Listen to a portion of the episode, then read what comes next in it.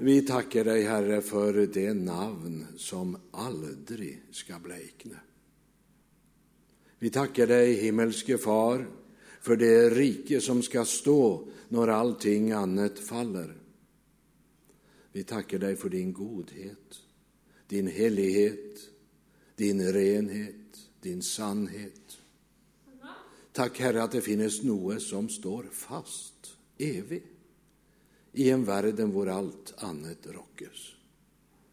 Och så ber vi att du ville öppna våra ögon för sannheten om vem du är. Vår sikre dina löfter är och vår fullkommen din frälse är. Det ber vi Jesus. Och du vet, jag är lika hjälplös idag som förr. Men så får du få barmen, Herre, och så dela ut till oss i kraft av ditt ord och din helige ande. Det ber vi Jesus. Amen. Vi ska läsa i Markus 9, från vers 20 till och med 24. Markus 9, vers 20. De förde gutten till Jesus, och då han såg Jesus begynte strax onden och rive och slite i gutten, så han fallt till jorden, vältet sig och frådet. Och han spurte hans far, hvor lang tid har det varit slik med ham? Han svarte fra barndomen av. Ofte har den kastet ham i ild och i vann för att göra ände på ham. Men om du kan göra något, ha medynk med oss och hjälp oss. Jesus sa, om du kan tro.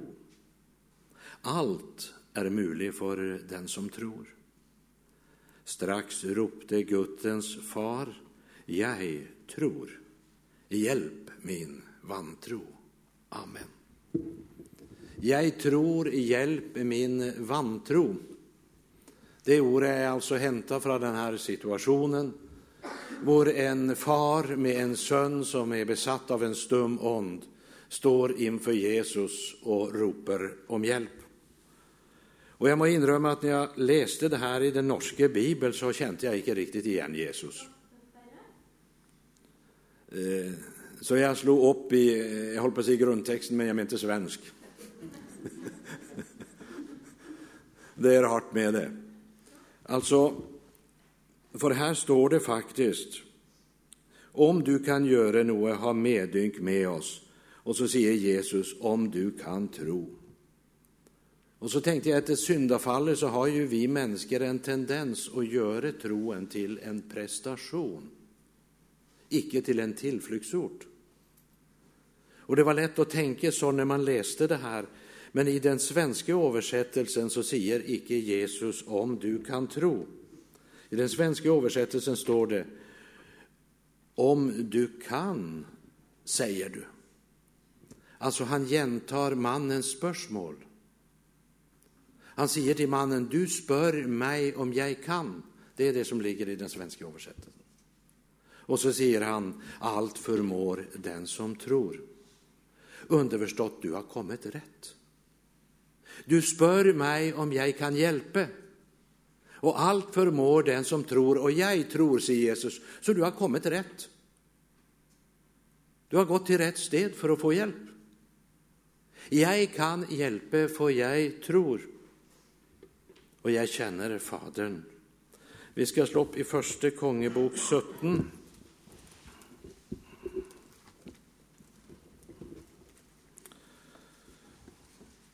Och läser från vers 7 där. Men då det var gått en tid törket bäcken bort, för det kom icke regn i landet. Då kom Herrens ord till ham, och det löd så. Stå upp och gå till Sarepta, som hörer till Sidon, och bli där. Jag har befalt en enke där och ge dig mat. Han stod upp och gick till Sarepta. Där han kom till byporten fick han se en änke som gick och sank ett ved. Han ropte på henne och sa, hänt lite vann till mig i en skål så jag får dricka. Da hun nå gick för att hämta vann, ropte han efter henne och sa, ta med ett stycke bröd till mig. Då sa hon, så sant Herren din Gud lever.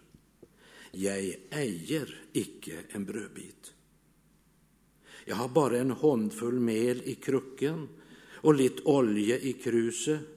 Nu går jag här och sanker ett par stycken ved för att gå hem och laga det till för mig och min son så vi kan äta det och så dö.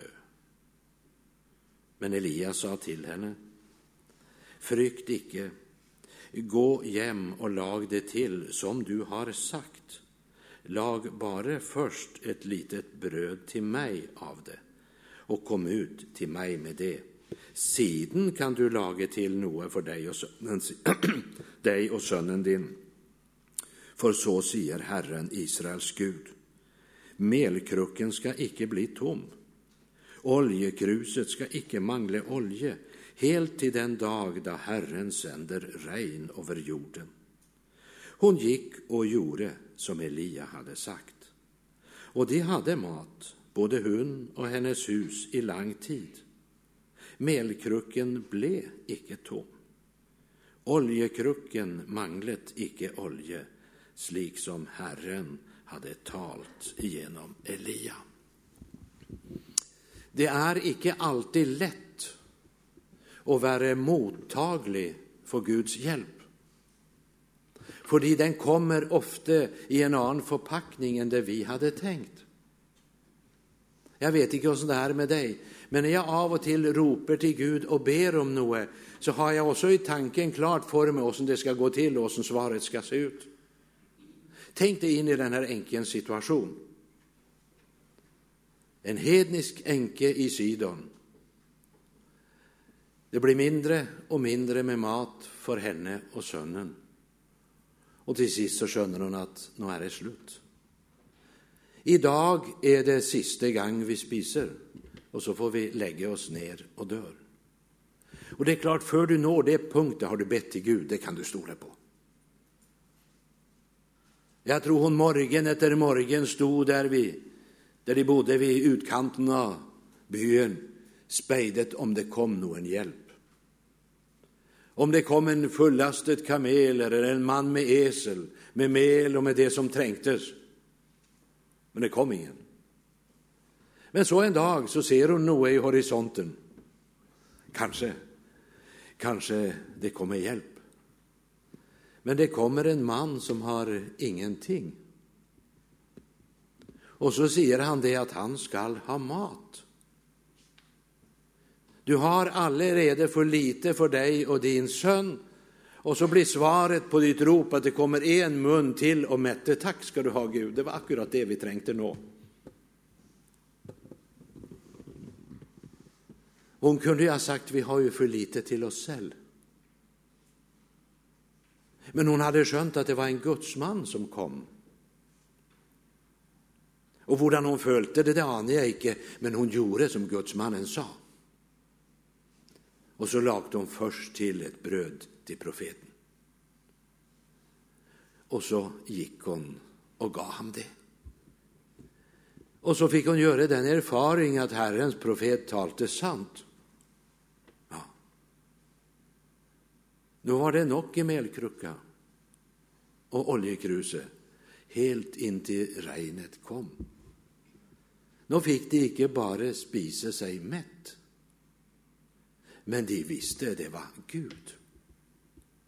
Och det är så gott, det är det inte det, när vi kan märka Guds närvaro i vårt liv. Märker Gud är med oss och jag är med Gud. Nu är vi ett. Det betyder faktiskt mer det än att spisa sig mätt. Men eh, det var ju inte ett bönesvar som var lätt att ta emot, för det såg ju icke ut som bönesvar. Det såg ju ut som att mitt i all min nöd så kommer nog Gud och robbar det lilla jag har. Istället för att hjälpa dolkar han mig i ryggen. Ja. Fanns det ingen änker i Israel på den här tiden? Jo, säger Jesus, det gjorde det. Men, säger han, de var icke mottagliga för Herrens hjälp. Tänk, nöden var så stor i Israel. hungersnöden så stor. Folket i sån nöd. Och du kan stole på att de ropte till Gud, för det gör folk när det är nöd. Folk som icke ber ellers, de ber när det blir nöd nog. Ja. Varför fick de ingen hjälp? De var icke mottagliga, säger Jesus. Och så tänkte jag, är det sån med mig? Jag är så låst i min tankegang, och jag, jag ber till Gud, och jag förväntar av Gud. Och så är kanske hjälpen underveis, och så luckar jag dörren för den för det att eh, jag har ju nog framför. Ja. Må jag få nåde och se Gud och igenkänna Gud? Och vara mer upptatt av att möta Gud än av att få spisa mig mätt. Det jag tänkte det här det är väl i ska vi se här... Andre kongebok 17. Nej, det är i Andre kongebok 5, Där vi finner eh, om den här Spetalske Naman, som kommer med sina vagnar. Och så får han besked om vad han ska göra. Og det passer ikke. Når han forteller at han skal gå og bade seg i floden, så sier Naman jeg tenkte at han ville komme ut til meg och stå fram och påkalla Herren sin Guds namn och före honden fram och tillbaka över det psykiska stedet och ta bort all spedalskhet. Ja, sån hade jag tänkt det. Sån vill jag ha det. Och så kommer jag till Herrens profet, och så gör han icke sån. Jag hade bestämt, jag ser formen, den här upplevelsen. Wow, alltså! Tänk att få ställa sig upp där, och så kommer profeten, och så rör han över det psykiska, och så blir jag frisk. Och Det blir nog att förtälla när jag kommer hem. Och vad gör han? säger, Han rörer icke vid mig, han kommer icke fram till mig en gång. Han säger bara, 'gå och bad dig. Då säger han, är icke älvene vid Damaskus, Abana och Parpar bedre än alle Israels vann? Kunde jag icke bada mig i dem och bli ren? Ja. Är det icke no så bra, det och det? Det är icke det det handlar om. Det handlar om lydighet. Och ibland väljer Gud ett vann som icke är lika attraktivt som en del andra älvar. Käre Gud, jag ville hellre bada med där, alltså. Kan det vara någon hjälp i att bada sig i det här? Jo, visst, Gud har sagt det ja. Var det ingen spedalske den här tiden i Israel? Jo, det var många. Men, säger Jesus, det var ingen som var mottaglig för Guds hjälp. Och det var jammen på vippen när man skulle ha gått glipp av det också. Hade han icke haft någon tjänare som var förståndige och hade mod till att säga till han. Alltså, hade han bett om något vanskligt, så hade du säkert gjort det. Ja, för sensationer vill vi ju vara med på. Men när någon ber dig om något så enkelt, varför icke göra det?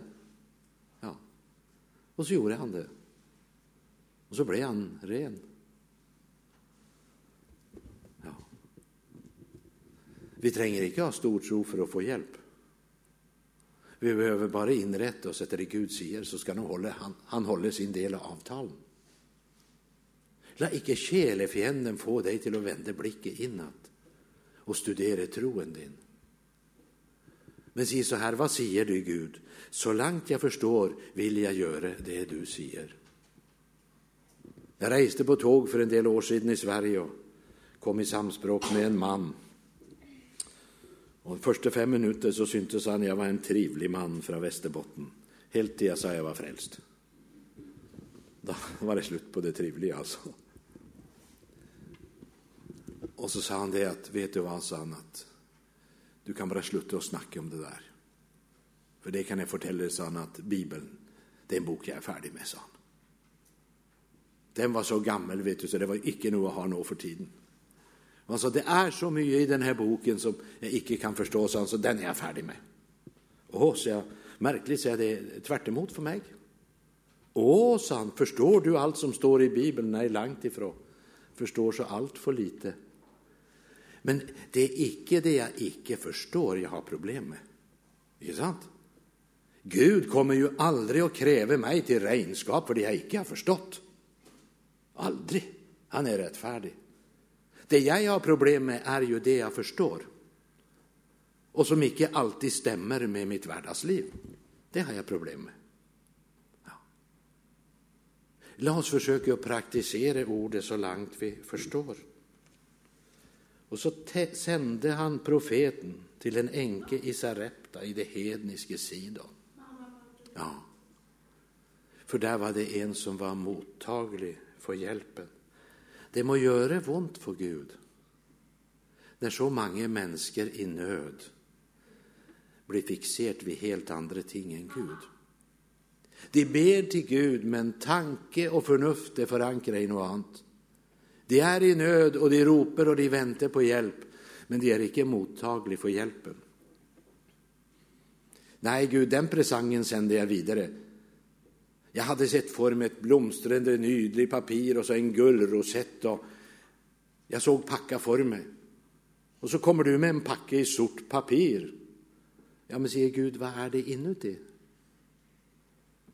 Jag vet inte, jag sände den vidare. Låt oss be om att vi blir mottagliga för Guds hjälp. Han önskar att hjälpa, han gör det. Så teoretisk kunskap om Gud, det är en ting. Men att verkligen ha tro och vila i Guds löfter när allting ser alldeles hopplöst ut. Det är något annat. Men när vi vandrar och lever med han så kan han faktiskt hjälpa oss in i det kännskap och närvär där vi kan finna den vilen. Alltså, Jesus var ett sant mänske. Vi ska slå upp i Lukas 4.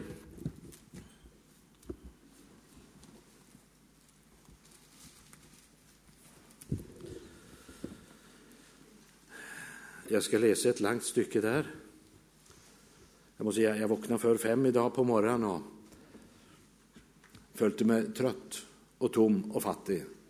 Och det sista jag hade lust till var att präka idag. Och så sände jag en eh, sms, men du vet, det var ju inte däckning där jag var, men signalen gick allikevel. Och det kom retur.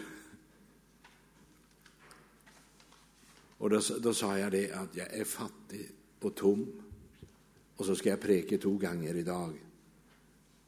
Och alltså, vad nå? Men så plötsligt när jag sitter och liksom sänder beskeden så måste jag lägga till och säga, eh, men egentligen det är hopp. För jag ska läsa ett långt stycke av skriften. Och det bär alltid frukt. Så hvis inte jag får sagt något vettigt så, de får ju något med sig. Jag ska läsa ett långt stycke. Och så, så hade jag liksom fått svar för han svarte egentligen. Och så sa han, okej, okay, du går på talarstolen och jag går på knä. Ja. Det är flott att ha en sån partner uppe i lappmarken i Sverige.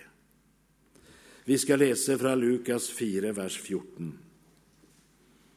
I åndens kraft vände Jesus tillbaka till Galilea och ryktet om ham kom ut över hela landet däromkring. Och han lärde i synagogorna deras och blev prist av alla. Och han kom till Nasaret, var han var uppfostret. På sabbatsdagen gick han in i synagogen, slik han plejde att göra, och stod upp för att läsa för dem. De gav ham da profeten Jesajas bok. Och då han hade öppnat boken fann han stedet där det står skrivet Herrens ond är över mig, för den har salvet mig till att förkynna evangeliet för de fattiga. Han har sänt mig för att förkynna för fanger att de skall få frihet och för blinde att de skall få syn, för att sätta undertryckte fri, för att förkynna ett nådens år från Herren. Han locket boken, gav den till tjänaren och satte sig. Alle som var i synagogen, hade øynene sine festet på ham. Han begynte så med att si till dem, i dag detta Skriftens ord blitt uppfyllt för örene deres. Alle gav han vittnesbud och undret sig över det nådens ord som löd från hans mun. Och de sa, är icke detta Josefs son? Då sa Jesus till dem, dere vill sikkert si till mig detta ordspråket, lege, leg dig själv. Allt detta som vi har hört har skett i Kapernaum, gör det också här, på hjemstedet ditt. Men han sa, sannerligen sier jag dere, ingen profet blir godtatt på sitt jämsted. Sannelig sier jeg dere, det var mange enker i Israel på Elias dager. Den gang himmelen var lukket i tre år och sex månader da blev det stor hungersnöd över hela landet. Men icke till någon av dem blev Elias sänd. Bara till en enke i Sarepta i Sidons land. Och mange spedalske var det i Israel på profeten Elisas tid. Men ingen av dem blev renset, bare syreren Naman. Alle i synagogen blev fyllt av harme då de hörte detta. De reiste sig och drev ham ut av byen och förte ham ut mot pynten av fjället där byen var byggd på, for å störte ham utför stupet. Men han gick mitt igenom flocken och dro bort. Tänk du, här är det folk som i det ene ögonblicket priser han för det gode budskap han bringer, och så i nästa ögonblick jagar de han väck. För det att han sa något som rucket vid deras särstilling som Guds barn. Det är Guds folk, Guds utvalgte, men det hjälper ju icke det om dere vraker Gud, om dere forkaster Gud. Man snakker i, både i Norge og Sverige i Danmark om den tid da våre land var kristne land. Det har de aldri vært. Det må de ha klart for oss. Det var en tid da vi hadde et samfunnsverk og regler som bygde på Guds bud. Vi hadde kristendom i skolen, men ett land ble aldri kristet. Og mange fikk jo input av det her i seg, og det bar frukt, altså. Men det är egentlig ingen krise. Det viktigaste är inte att vi får gjennombrutte politiska religiösa positioner, men att vi får leva ut vår tro i vardagen där vi är. Alltså, för jag tror inte folk kommer att komma till våra möten längre. Någon gör ju det. Men alltså, det är inte här vi ska nå det längre. Det är på skolor, arbetsplatser, på gator och streder. Men då må vi ju ha en relation till dem. Noen kanske kanskje kall och gå på dörr och delar ut traktater på gatorna. og ska inte förakta det heller. Men jag tror det är en väldigt viktig bit att bygga upp en relation så att de, de oss och så får vi fortälla vem Jesus är. Dere er vittner om detta, och jag sänder over dere det som min far har lovt.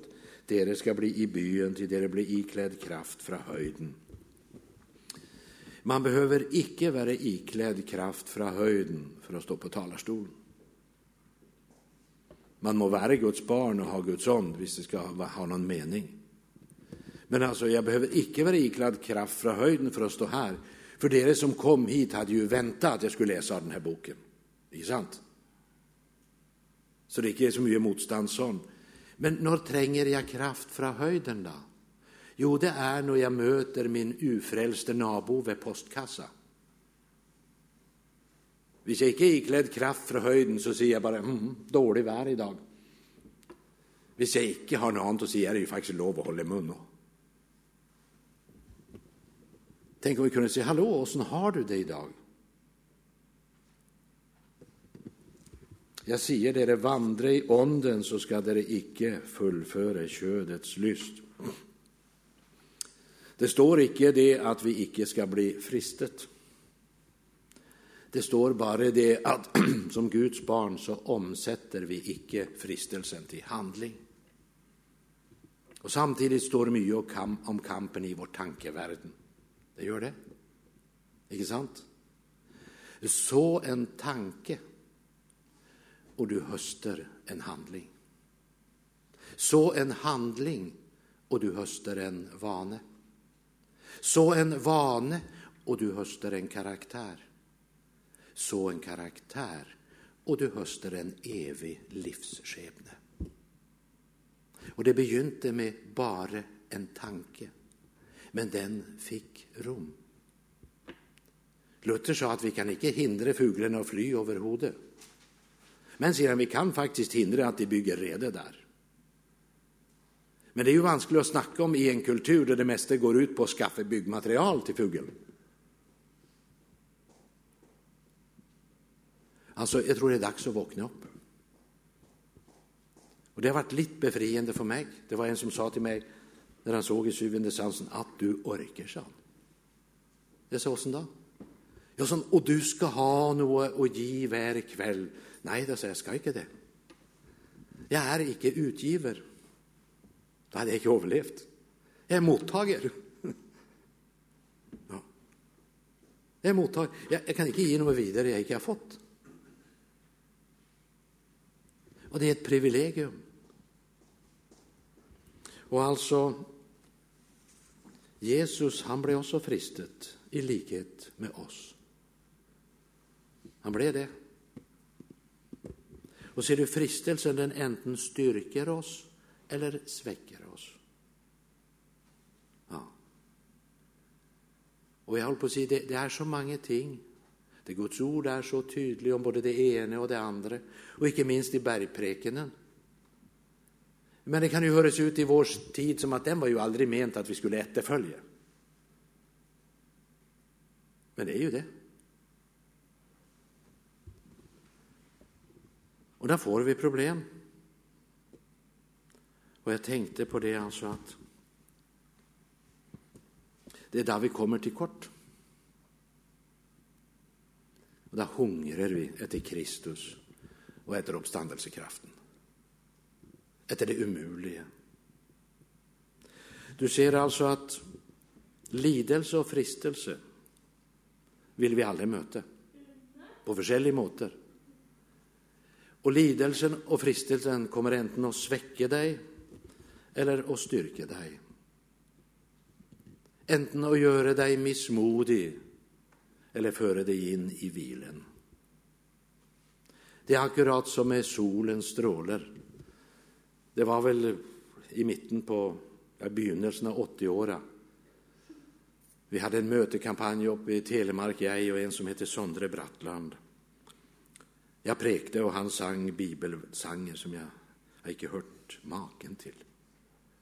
Det var en rik uke för mig och lytte till de sangerna som var en slik preken. Jag hade ju hört han på sån eh, LP-plater, men det var lite för kulturellt och höjt för mig.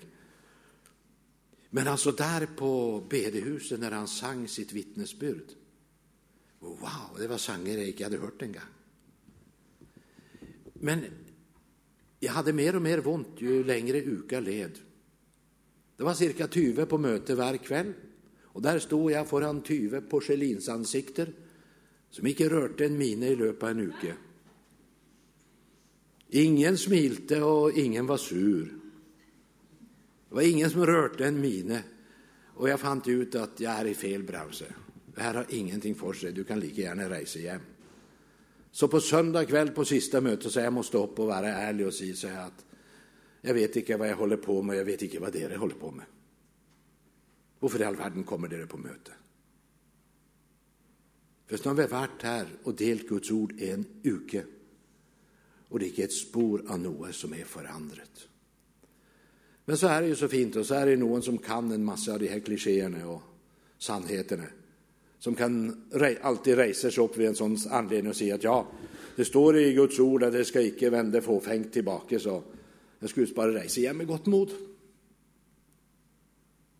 Det blir inte Sondre Brattland och gråta.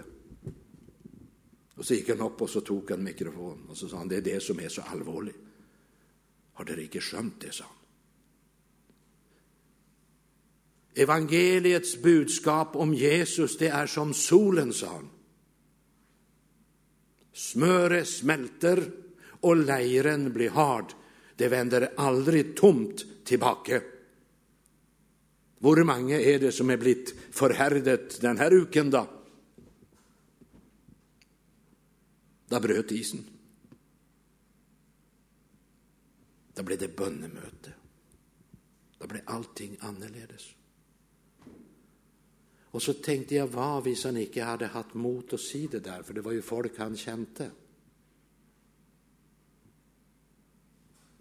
Och så lär det att hvis man kommer upp i en liknande situation så ska man ikke nödvändigtvis si detsamma. För det var ett gudgitt budskap i en bestämd situation.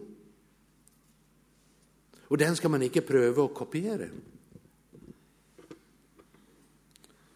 Du kan läsa i Jobs bok och läsa om hans vänner som säkert hade i utgångspunkten tänkt att hjälpa honom. Men ikke sant, när du läser i Jobs bok om Jobs vänner, så kan du bara si det att har man slike vänner så tränger man ju ingen fiender. Och det värsta var att det de förkynte och sa, det var teologiskt helt rätt. Men det var till fel person vid fel tillfälle. För de manglet uppenbaring. Vi löser inte alltid problemet med att citera en sannhet. Vi må be Gud ge oss visdom i hver situasjon. Det jeg skal si nå, er ikke kjekt å snakke om, men jeg tror det, det kan hjelpe til å forstå. Jeg hadde vært pastor i tre-fire år. En person kom og søkte samtale og hjelp. Beskrev først sin forferdelige situasjon og sin nød. Och så gav Gud mig ett svar. Det var en ny erfaring. Jag hade ju prövat och tänkt, vad i all världen ska jag säga? Ska jag säga att du må kanske gå till någon annan? Eller jag tänker på alla de gånger jag icke hade pejling om vad jag skulle säga. Och vet du vad jag då sa? Nu ska du gå hem och läsa och be, sa jag. Tänkte så förfärligt. Jag kunne jeg hadde varit bättre, jag hade slått dem i huvudet. För för ett mänske går till en pastor och bekänner sin nöd, så har de både läst och bett. Läst och bett och läst och bett och funnit ut att det icke hjälper. Och så går de och söker hjälp, och så säger hjälparen, 'Gå hem och läs och be'. Och så är de utelatt till det de vet icke hjälper för dem. Ja. Därför blev jag så glad när Herren sa, 'Slik ska du si'. Och det var vidunderligt att se en person löst. Och egentligen bara vara vittne till vad Gud gör.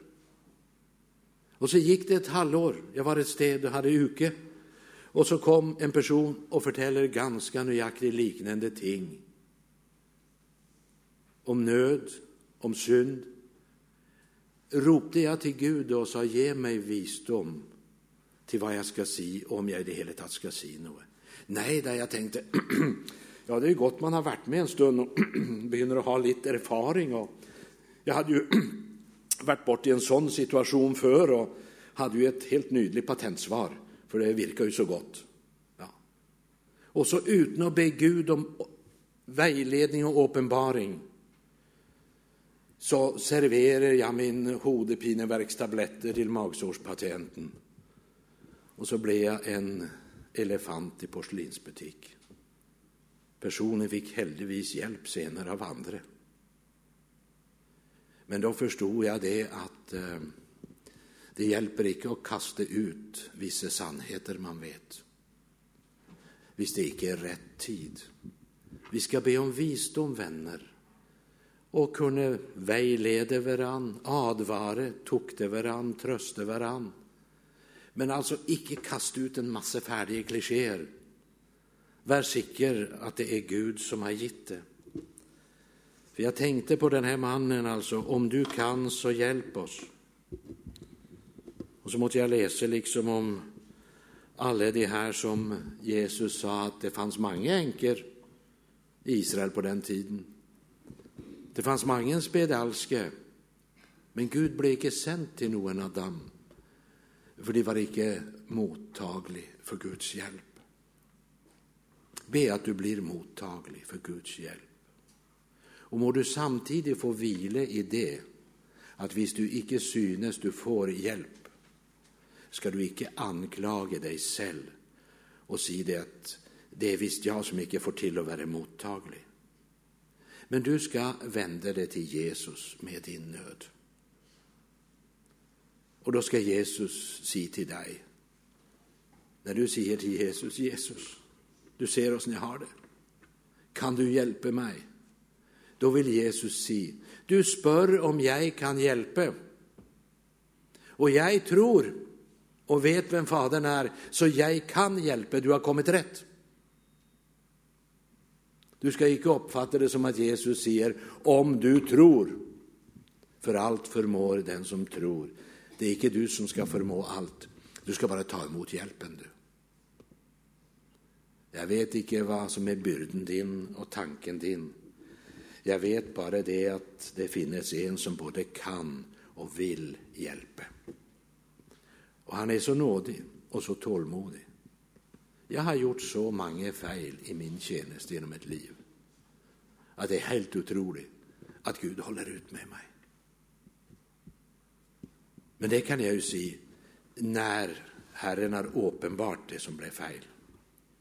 Så har jag inte låtit det skura och gå. Då har vi gjort upp och gjort något med det. Och det vill jag säga, det är en sån otrolig kraft i Lammets blod. Att det är inte gränser för vad han kan göra i ett fallet mänskeliv. Det är inte gränser för vem han kan resa upp och sätta fullständigt fri. Ja. För den sönnen har frigjort, han är virkelig fri. Du skjønner, det finns så mycket frihet som inte är virkelig. Men den verkliga friheten den är hos Sönnen. Och där ska du få lägga din byrde, din smärta och din nöd idag. Och säga, Herre, om du kan och vill, så hjälp mig. Och då vill han säga, om jag kan, och Joda, jag tror och känner Fadern, alltså kan jag hjälpa. Du har kommit rätt. Du har ändelig vänt dig till rätt person. Herre, vi tackar dig för att du är en god och bönhörande Gud. Herre, lös mig från alla tankebanor där jag gör mig upp meningar om hurdan ditt bönesvar ska bli och komma. Herre, tillgiv mig att jag så ofta icke är mottaglig för din hjälp. För jag vill liksom välja och vraka hur det ska komma och vara. Herre, hjälp mig att se att allt vad du sänder i min väg, det är nåde. Både det som svir och det som tröstar. Tack för din godhet. Och så tack, Herre, att din gode helige ond vill upplysa våra hjärtan. Ond från himlen, kom med nåde. Kom med liv och lys här ned. La din gudomsmakt nå råde gör oss vis till salighet. Ja, Herre, ville du göra det? Vi har det som första bönämne, vi har andra ting vi ber om och som är viktigt för oss. Men det viktigaste vi ber om idag är, gör oss vis till salighet, Herre. Det ber vi. Amen.